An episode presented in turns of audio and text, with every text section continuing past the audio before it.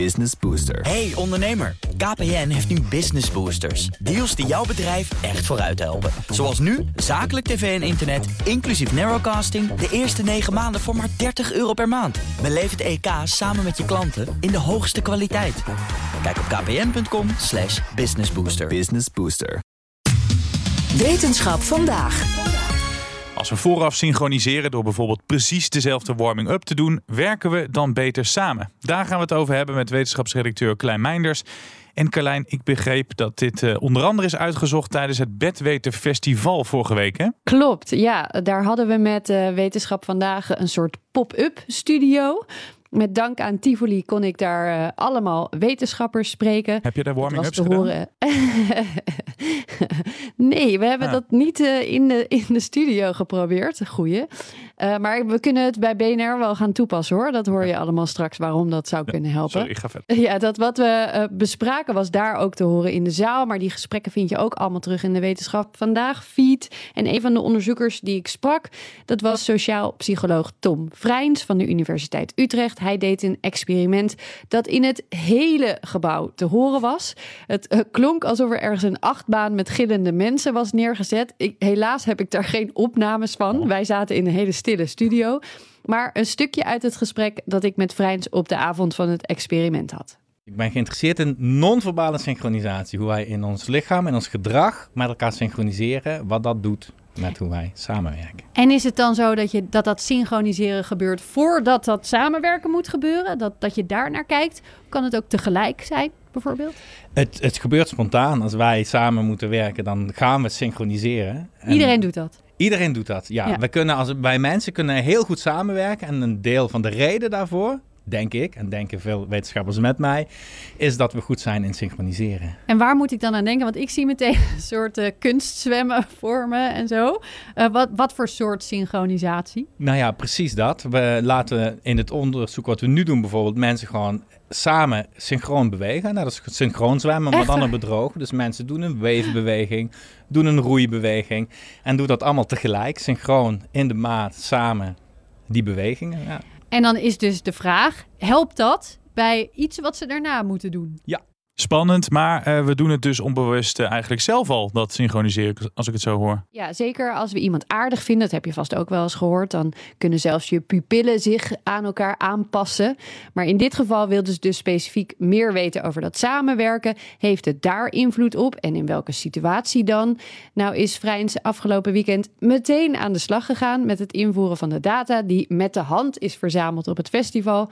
Die is nog niet officieel geanalyseerd, maar hij heeft wel al even gekeken of hem iets opviel. Daar gaan we het zo over hebben. Eerst even naar dat experiment. Hoe zat dat precies in elkaar? Want zelfs de mensen die mee hebben gedaan, weten eigenlijk helemaal niet waaraan ze hebben meegewerkt precies. Wat iedereen op het festival wel wist, is dat een deel van de opdracht heel hard juichen was. We hebben mensen allemaal een soort warming-up laten doen voordat ze in groepen gingen juichen. En een deel daarvan eh, werd gesynchroniseerd. Die deden al die oefeningen, opwarmende oefeningen, tegelijk gesynchroniseerd. En de andere mensen deden een soort circuitje waarbij iedereen een andere oefening stond te doen. En zo creëerden we een gesynchroniseerde conditie en een niet gesynchroniseerde conditie. Ja, bondscoach Louis van Gaal was dus eigenlijk al een trendsetter, want die zei het al een keer tijdens de persconferentie, we moeten juichen. Uh, maar daarna was dus de opdracht, zeg jij, uh, heel hard juichen. Ja, maar ook dat in verschillende settings om zoiets te kunnen zeggen over in welke situatie het nou wel of niet samenwerking bevordert. Alle mensen hebben vooraf een baseline meting gedaan om te kijken hoe hard ze in hun eentje konden juichen. En na die warming-up hebben, we, uh, uh, hebben we ze in groepjes van vier samen laten juichen. Met een blinddoek om, koptelefoon op waardoor ze elkaar niet zo goed konden horen en al helemaal niet konden zien. En we hebben ze verteld dat we ze in verschillende samenstellingen van die groep lieten juichen. In feite stonden ze steeds of in een eentje te juichen, denkende dat ze in een groep juichten, of ze stonden daadwerkelijk met z'n vieren te juichen. En um, dan heb je dus uiteindelijk, voor de mensen die meegeteld hebben, heb je dan dat er op drie verschillende manieren gejuicht is. De allerlaatste is dat we mensen vroegen om de blinddoeken af te zetten. En dan nog één keer, of eigenlijk twee keer, met z'n allen zo hard mogelijk te juichen. Ja, Kees en ik zijn hier te luisteren, maar dat moet wel heel grappig zijn geweest, denk Ja, ik. inderdaad, ja. Zowel voor de onderzoekers was dit heel leuk als de bezoekers, denk ik. Uh, wat Vrijnse al zag terugkomen bij het bekijken van die data was een vrij klassiek patroon van samenwerken. Samen als groep was het niet een optelsom van de individuele leden. In dit geval betekende dat mensen juichten alleen harder uh, dan wanneer ze dat in een groep deden. Uh, ook zag hij dat de coördinatie van het juichen lastiger was in een groep dan alleen. Maar hoe zit dat nou met die synchronisatie? Bij deze twee voorbeelden zag hij nog weinig verschil, maar... Het grootste verschil zien we eigenlijk pas ontstaan nu op het moment dat mensen de blinddoek afzetten. Dan pas zien we echt een, een effect, een verschil tussen de gesynchroniseerde en niet gesynchroniseerde groepen. Degenen die gesynchroniseerd zijn, gaan op dat moment beduidend harder juichen met z'n allen dan degenen die niet gesynchroniseerd zijn. En um, ik durf daar nog geen stevige conclusies aan te verbinden. Al die uh, resultaten zijn ook nog voorlopig. Maar het lijkt er dus op dat het effect van synchroniseren pas een, een rol gaat spelen op het moment dat mensen kunnen zien. Dan zijn ze, denk ik, beter in staat om uh, ook op dat moment goed met elkaar te coördineren. En op hetzelfde moment hun maximale juich te laten horen. Dus als Kees en ik echt goed willen samenwerken, dan moeten we elkaar echt mm. kunnen aankijken en geen blinddoek op, opdoen. Dat is echt de, de ja. conclusie. Lijkt me sowieso handig in de studio hoor, dat, eigenlijk. Dat lijkt me wel, ja, als je teksten moet voorlezen en zo, is dat wel handig hè.